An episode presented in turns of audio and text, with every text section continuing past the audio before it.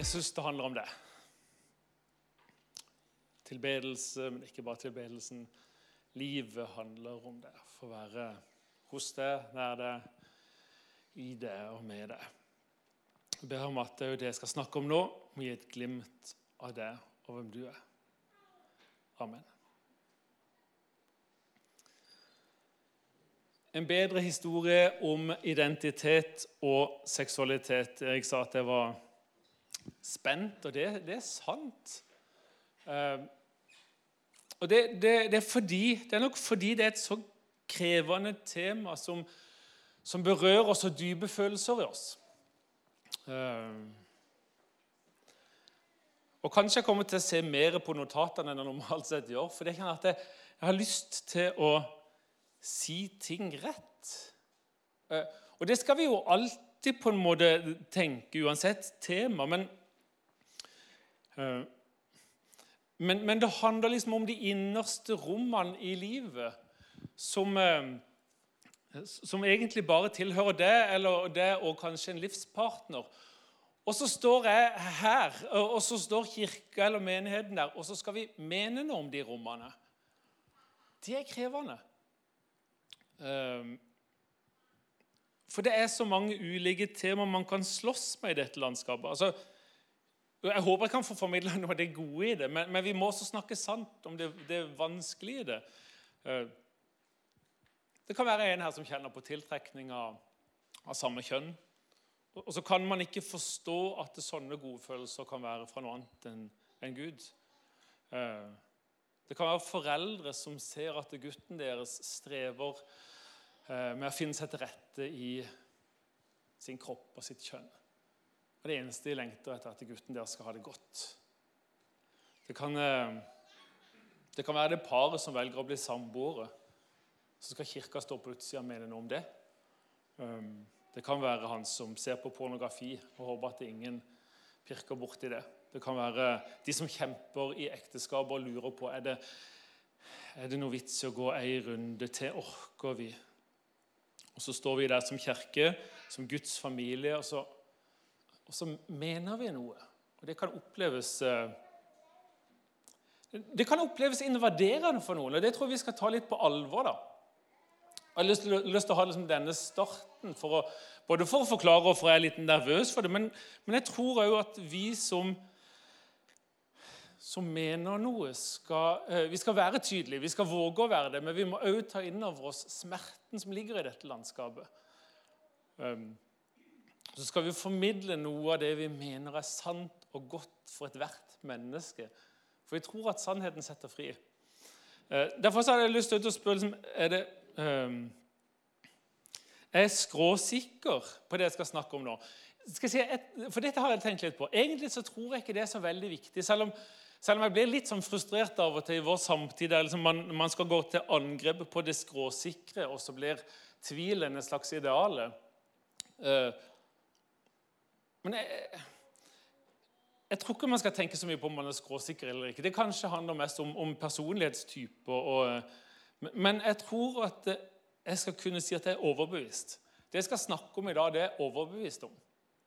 Um, ikke sånn vaklende 'jeg tror, men jeg er usikker'. Eller, men jeg opplever at det jeg skal snakke om, har blitt mer og mer overbevist om er gode nyheter for ethvert menneske. Ikke enkelt enkle og lettvinte nyheter, ikke quick fix. Men vi har jobba med, eh, med, et dokument som heter 'En bedre historie'. Vi er midt i starten av et prosjekt, et tverrkirkelig prosjekt som vi kaller foreløpig for Kroppens teologi. Ikke bare eh, hva Gud sier om kropp og seksualitet, men hva det kropp og seksualitet sier om Gud. Eh, det ligger noen av de òg bak der som dere kan ta med dere gratis. Dette er grunnlagsdokumentet, liksom det teologiske grunnlagsdokumentet for hvorfor vi det, mener det vi gjør. Og hvis du ønsker, Dette er jo en, en lengre versjon av talen i dag, egentlig. Eh, ta den med deg til bibelstudiet, til smågruppestudiet eller til andre ting. Um, det var innledninga. Litt lang innledning, men det går nå greit. Guds historie den går som en, som en rød tråd eh, gjennom vår historie en, en, en helhet som vi alle er en del av. Det handler om Gud som, som, som opphavet. om skapelsen, om fall, om løfte, om frelse og om gjenopprettelse. Vi er ikke bare enkeltindivider som lever hver våre liv og skal prøve å skape vår egen mening i mitt liv, men vi er en del av en stor historie. Guds store historie. Eh, og Det får òg konsekvenser for syn på samliv, på kjønn, identitet og de ulike temaene innenfor det området. Vi skal se litt raskt, Jeg tror ikke vi rekker alle punktene. Dere skal slippe det. Um, og Dere må heller ikke ta tida på ok, han brukte så lang tid på først, og så ganger vi det med et visst antall minutter. så får vi... Uh, men vi skal se på noen punkter. For det første Gud er. Og det, det tenker, altså Her er det jo kanskje det forholdsvis selvsagt å si. da, Det er jo kanskje ikke så kontroversielt. Står her og påstår det. Men, jeg tror vi må, må, vi må, rett og slett litt begynne der da, for å forstå det kristne synet på seksualitet, kropp og identitet. Eh, for om vi flytter Gud ut av historien, så gir det fint lite mening å pålegge andre mennesker eh, mine moralske rammer. Det, det, eh, vi kan i lengden strekke oss til en felles samtale om, om, hva vi mener er det beste for mennesker, og hvordan vi kan unngå å skade oss sjøl eller andre. Um, men det finnes ingen ekstern autoritet som snakker om rett og galt hvis Gud er ute av historien. Men hvis Gud er med i historien, så forandrer alt seg til, til det gode. Og jeg tror vi, Hvis vi skal ta dette her med oss i møte med vår samtid, så, så må vi også ha det med i bakhodet vårt at det er det grunnleggende premisset for å forstå vårt syn på samliv og seksualitet og identitet. Men en Gud som er fra evighet til evighet. Den allmektige, tre ganger hellige, sanne Gud. Men hvem er han? Det kunne vi ha snakka lenge om, men tre punkter. Gud er skaperen. På 1500-tallet fikk vi den kopernikanske revolusjonen sjokkerende, en sjokkerende teori for folket der om at sola, ikke jorda, var sentrum i universet. De må jo ha blitt rysta. Eh, ikke minst selvbildet deres. Hæ? Er ikke vi sentrum i universet? Er ikke liksom, er de, du skulle nesten tro de var bergensere. Unnskyld. hvis det er noen bergensere. Jeg har bodd der i litt over 20 år, så, jeg tenker det er innafor for meg å si det. Men liksom, jeg er best. Liksom det. Eh, skulle nesten tro, Men, men så, sånn, så, fikk det Oi, vi er ikke sentrum i universet. Og så ble det en vitenskapelig både krangel, og etter hvert så ble det en, en allment akseptert fakta at sola er sentrum i vårt solsystem. Ikke i universet, men i vårt solsystem. Men, men billedlig talt, eller i overført betydning, så sitter menneskeheten trygt på tronen fortsatt der. Eh, I Roman 1,25 så står det de byttet ut Guds sannhet med løgn og tilba og dyrket det skapte i stedet for skaperen. Så klatrer vi opp på tronen i våre liv. Luther snakker om at ursynden at de er innkrøkt i oss sjøl. Eh, mens Guds gode historie sier at han er skaper, vi er skaperverk. Men det er en tvangstrøye, da å være underlagt skaperen. For det, det er jo noe som gjør at å, det var deilig å få rista av seg den troen. Nå kan vi gjøre det vi vil. Jeg mener det ligger en dyp frihet i å kjenne at Gud er skaperen, han som er på tronen. I Jesaja 9 så står det i juleverset om at herreveldet er lagt på hans skulder. Vi skal slippe å bære vekten av vårt eget liv. Magnus Malm, forfatter og veileder, sier at den største frihet det er å slippe å være Gud. Vi er skapt for å tilbe Skaperen og ikke det skapte. Så er Gud god. En ting er, altså Gud er skaperen, og det gir han autoritet. Og det gir han makt. Men hvis Gud bare hadde vært skaperen, hvis Gud bare hadde vært den allmektige, men ikke god, da hadde vi vært ille ute. Da hadde vi vært prisgitt en makt som hadde kontroll over oss, men som ikke ville oss godt. Da hadde vi bare måttet liksom innfunne oss med tilværelsens lidelse, smerte og død til evig tid, fordi han hadde ikke brydd seg.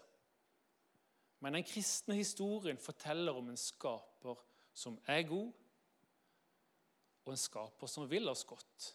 Jeg husker jeg som sa i gang, jeg tror at Gud er god, men jeg klarer ikke å tro at han vil meg godt. Den kristne historien forteller om en skaper som er god, og som vil oss godt. Salme 103 sa det. Velsign Herren min sjel. Alt som i meg er, velsign Hans hellige navn. Velsign Herren min sjel. Glem ikke alt det gode han gjør. Han tilgir all din skyld og leger alle dine sykdom. Han frir ditt liv fra graven og kroner deg med barmhjertighet og kjærlighet. Han metter ditt liv med det gode. Og hvis vi noen ganger lurer på om han er god, om han bryr seg, så tar vi en tur til Golgata og så ser en Gud som gir sitt liv for oss. Men Gud viser sin kjærlighet til oss, står det i Romerbrevet 5,8. Ved at Kristus døde for oss mens vi ennå var syndere. Gud er god. Vi må ikke slippe det taket. Heller ikke i møte med dette temaet vi snakker om i dag. Og Gud er ordens Gud. Da Gud skapte mennesker, så skilte, skapte, så, så skilte han lys ifra mørket, hav ifra land. Han skapte dyrene hvert etter sitt slag. Han skapte mennesket som mann og kvinne. Når Gud skapte, så skapte han orden av kaos. Og I det så satte han noen grenser for mennesket. Og det er godt. Grenser er ikke en konsekvens av syndefallet. Han satte noen grenser mellom mann og kvinne. Det er noe som er meg og mitt. Det er noe som er det og ditt. Og det er godt at det er sånn. En tilværelse uten de grensene, eller en tilværelse der det bare altså Det er jo motsatsen, der, liksom, der alt flyter, der vi er over, overlatt til våre egne vurderinger. Det er motsatsen til det paradis som Bibelen forteller om. Så kan vi se noen konsekvenser av det. Metoo-kampanjen som gikk for noen år siden, og som vi fortsatt får noen vonde glimt av, viser oss jo hvordan en tilværelse uten grenser fungerer. Og så er det jo ikke det at jeg skal si at liksom vårt samtid ikke har grenser. Men det finnes ingen autoritet som kan stå utenfor og si at dette er de gode rammene for deres liv, og så blir det våre vurderinger og vår samtids flertall som til enhver tid skal definere det. Vi tror og bekjenner at Gud er historiens sentrum og herre. Vi tror det er god, og vi tror han har skapt orden av kaos. Men hva vil det si å være skapt av denne skaperen? Det er jo en utrolig hendelse. Altså, nå, skal ikke jeg gå inn på denne her, eh, seks dager eller eh, millioner av år. og sånne ting. Den, den vi, den, det er ikke en del av denne, jeg, jeg har ikke kompetanse nok i gang på det. Om det har skjedd på seks dager, eller om det har vært en eller annen slags eh, utvikling underveis. Men det er overbevist om at det er Gud som er skaperen. Og hvordan vi skal forstå de sanne kapitlene i første Mosebok forbi min kompetanse. Men han skapte. Salme 33, 9. Han talte, og det skjedde. Han befalte, og det sto der. Det er kjapt. Enkelt og greit. En villet, bevisst handling. Og Det tror jeg er litt viktig for oss. at vi sier det var en bevisst handling. Altså Hvis du leser første Mosebok kapittel 1, uansett hvilke briller du har på deg, det er vakker poesi. Og den rytmen i det Han skaper, han sier noe, og det blir sånn. Og så ser han på det, og det var godt. Og så ble det natt, så ble det neste dag, så skaper han noe. Så ser han på det, og det var godt. Så ved neste dag så skaper han noe nytt. Og Gud bare bobler over av kreativitet. Og, og liksom, det er bare sånn, ok, Nå skal vi lage sjiraffen. Liksom. Det var gøy. Nå skal vi lage elefanten, og så drar han ut. Liksom. Oi, kjempegøy. Skal vi se om vi kan lage noe annet? Det er dovendyr, og så går han og humrer. Ok, Dette er fantasi, jeg vet det, men han må jo ha hatt litt gøy da, underveis. Eh, og, og, og, så, kom, så skaper han menneske. Og så ser han og sier det var godt. Nei, det var mer enn godt. Det var svært godt. Overmåte bra, står det. Nei, det, er jo sånn, det bruker vi jo ikke lenger. Overmåte fin genser du hadde. Men altså, han skapte, og så, og så kommer denne rytmen, og så kommer det brudd i rytmen i det øyeblikket han har skapt mennesker og skal vurdere det. For da overgår det noe. Dette er jeg fornøyd med. Det er ikke et slumpetreff. Det er ikke sånn Oi sann, søren òg. Ja, ja, vi får ta med oss Adam og Eva på veien, da.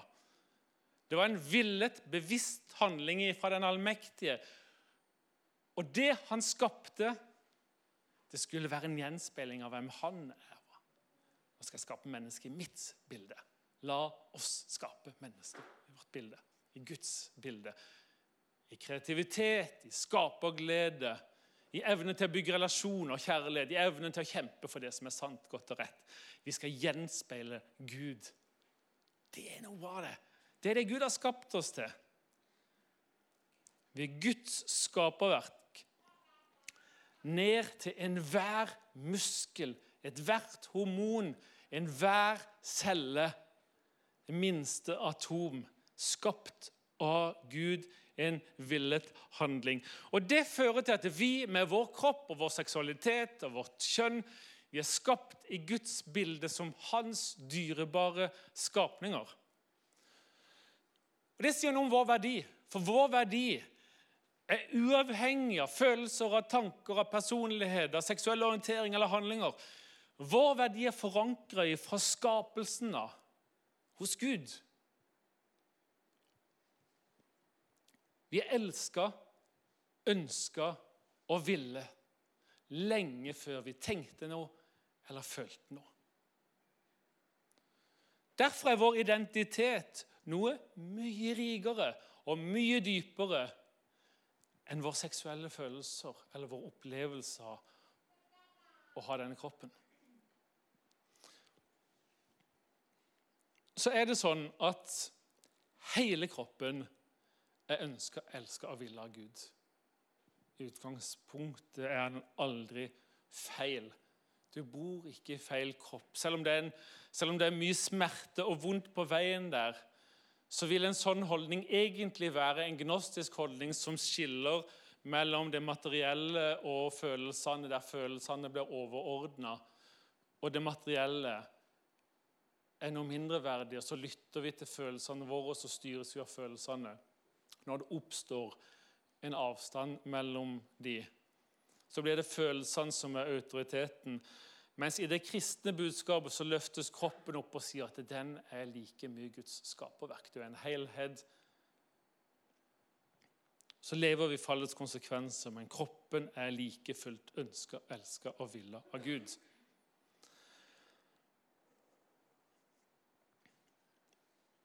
Og det fører jo til at vi er skapt med en hensikt. Altså eh, Han hadde en tanke med hvorfor gjorde han det. Og min påstand er at hensikten med å skape oss er et åpent, trofast og intimt fellesskap med Gud. Som en del av kirka som kalles for Kristi brud. Og I dette fellesskapet så ble vi fullt ut de vi er skapt til å være. Det er det perspektivet vi skal ha med livet vårt. Skapt for å tilhøre Gud, skapt for å ære Gud.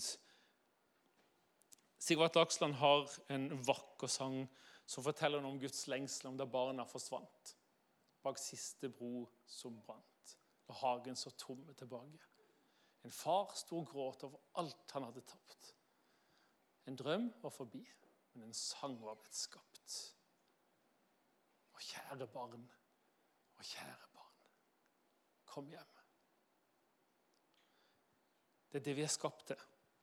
Det var det det starta med, om Gud som gikk blant menneskene. Gikk sammen med Adam og Eva i hagen. Og vi levde sånn som vi skulle leve. Det er vår primære hensikt.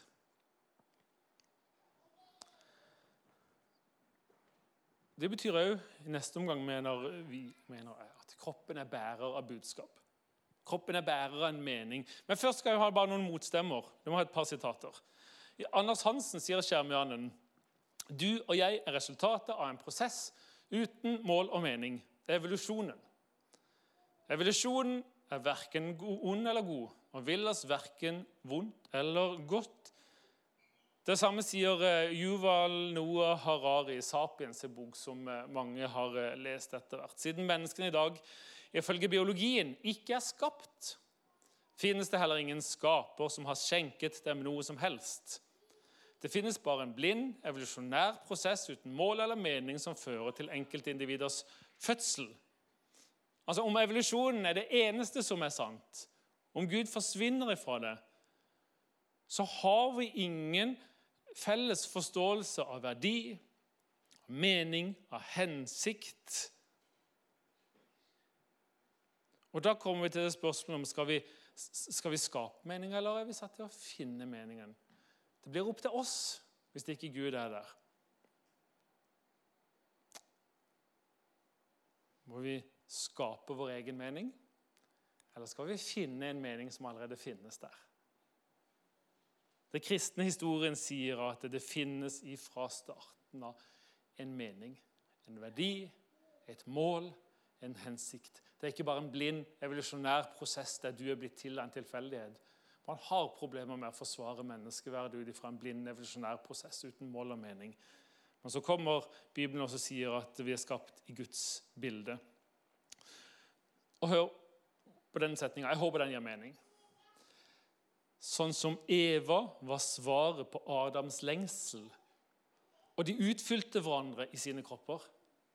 På samme måte vil Guds menighet møte Kristi lengsel etter en brud. Og Da tror jeg vi er inne på noe kjernen i det som, som jeg syns er litt, både litt sånn eh, vanskelig å få tak i, men som jeg tror er utrolig viktig å få tak i for å få skjønne den bedre historien. Det at hele menneskekroppen, inkludert kjønnsorganer, inkludert hormoner, uttrykker en dyp symbolikk. To ulike, mann og kvinne, eh, som samtidig er ett. De kompletterer hverandre og speiler Gud i forening, i trofasthet og i fruktbarhet. Og det er en som har sagt at mannlig og kvinnelig kjønnsorgan gir ikke mening uten det perspektivet. Forening, trofasthet og fruktbarhet. Og En seksuell relasjon mellom to av samme kjønn kan ikke gjenspeile denne, dette bildet på to ulike Kristus og menigheten. Selv om det skulle være et, en relasjon fylt av kjærlighet og trofasthet. Et samboerskap kan ikke gjenspeile den trofaste pakten som Gud har med sin menighet. One night stand kan ikke gjenspeile det. Utroskap kan ikke gjenspeile det. Eh, pornografien kan ikke gjenspeile det. Ja, og ja, jeg vet jeg har gått langt ut på videre og sier at det likestiller de. Nei, jeg gjør ikke det. Men seksualiteten peker fram altså den, si, den seksuelle foreningen mellom en mann og en kvinne er i sitt vesen noe som peker fram på forholdet mellom Kristus og hans brud.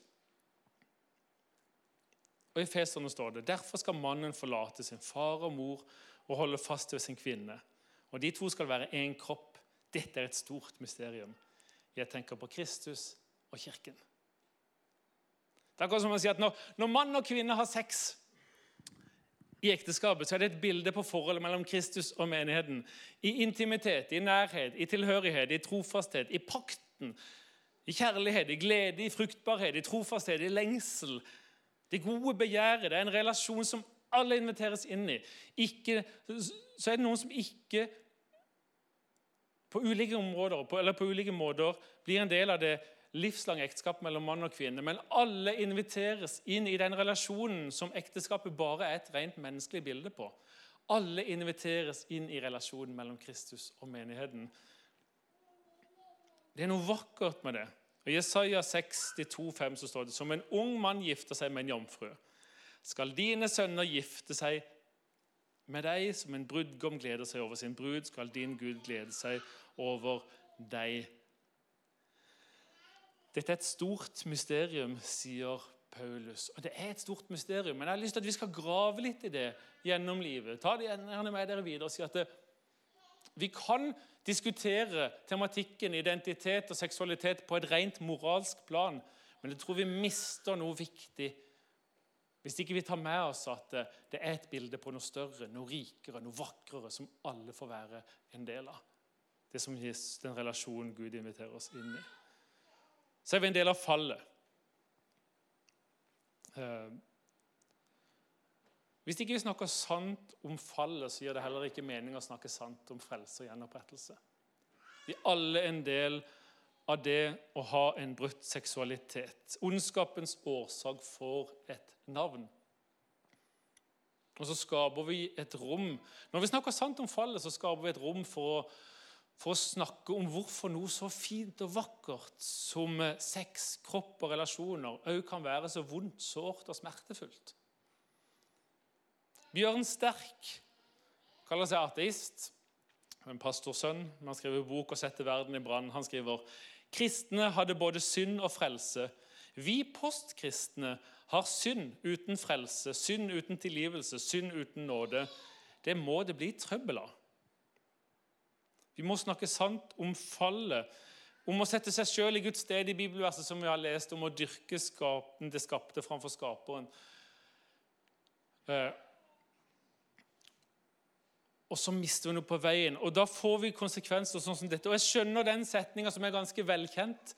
Hvorfor skaper Gud homofile hvis homofili er en synd? Og så kunne vi ha putta mange andre ulike, situasjoner inn i dette. Men premisset for spørsmålet er feil, selv om det er forståelig i all sin smerte. For den utelater fallet, som tar med at skaperverket er skada. Vår seksualitet, våre følelser, våre tanker er skada. Og det handler definitivt ikke bare om mennesker som kjemper med homofile følelser. Det handler også om andre mennesker som kjemper på ulike andre områder, inkludert Jarle Haugland. Premisset er feil. Gud skaper ikke homofile, Gud skaper heller ikke heterofile. Gud skaper mennesker. Dyrebare mennesker. Så på ulike måter lever i fallets konsekvens, men som inviteres inn i det løftet som Gud kaller oss til. Vi lengter etter frihet og gjenopprettelse. Derfor går vi inn i løftedelen. For fallet er ikke det siste. Og så handler nettopp det jeg snakker om, seksualiteten, kjærligheten, mellom to mennesker om å peke fram mot noe større. Og hva er det det peker fram mot? Først og fremst evig kjærlighet. Når mann og kvinne vies til et livslangt ekteskap, og de står der gjennom gode og onde dager, så peker det fram mot en Gud som sier med evig kjærlighet har jeg elsket deg. Dette er bare et bilde på det, i all vår feilbarlighet. Med evig kjærlighet har jeg elsket deg. Er Gud trofast eller ikke? Når vi lever trofast i forholdet mellom en mann og en kvinne, så peker vi framover mot en Gud som er trofast og sier at jeg skal aldri slippe det og aldri forlate det. Jeg skal aldri gå videre til nestemann hvis jeg finner sterkere følelser for den. Da peker vi framover mot Han som er en Gud som aldri kan lyve, som vil stå fast med sine løfter. Og det peker framover mot nærhet og intimitet som vi inviteres inn i. Sånn som Adam og Eva var nakne. Fysisk, mest sannsynlig, i hvert fall alle barnebiblene som vi leser. De står alltid bak en busk der. Men, men, eh, men de var nakne, og de skamma seg ikke. Eh, det er utrolig vakkert. Så inviteres vi tilbake til der. Ikke bare, ikke bare en fysisk der, men også i ærlighet, i nærhet, i ekthet. Og uten skam. De var nakne, fullstendig avkledd for Gud. Men de skamma seg ikke. Det er gjenopprettelsen vi inviteres tilbake igjen til.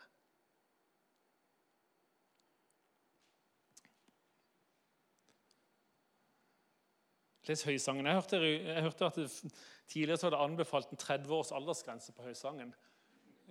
Det er jo det er artig. Men det er en Det, det bare oser av lengselen og det gode begjæret mellom, mellom bruden og brudgommen. Og man ville kysse med et kyss av sin munn. Og til slutt løftet om tilhørighet og fellesskap. Ekteskap og familie sånn som Gud har tenkt det, gjør at mennesker ikke trenger å være alene, men har andre å leve livet med, men det peker fram mot noe enda større. Ja, Betyr det når jeg er singel? Nei, det betyr at du inviteres inn i Guds familie. Derfor er det ikke lenger fremmede utlendinger. Nei, dere er de helliges medborgere og Guds familie. Så kunne vi gått videre til frelsen, som peker på nåden når vi snubler. Til det nye livet. Kan peke fram på gjenopprettelsen, håpet om en dag fullt ut være hans. Der fallets konsekvenser er utsletta, og vi får være med i et bryllup. Der vi er midt i fokus som Kristi brud. Det er vakkert. Jeg håper det ga mening Jeg håper det ga litt rom for videre refleksjon. Hvorfor mener vi det vi gjør? For jeg tror vi ser spor av evangeliet i ekteskap, i familieliv, i seksualiteten og i kroppen vår.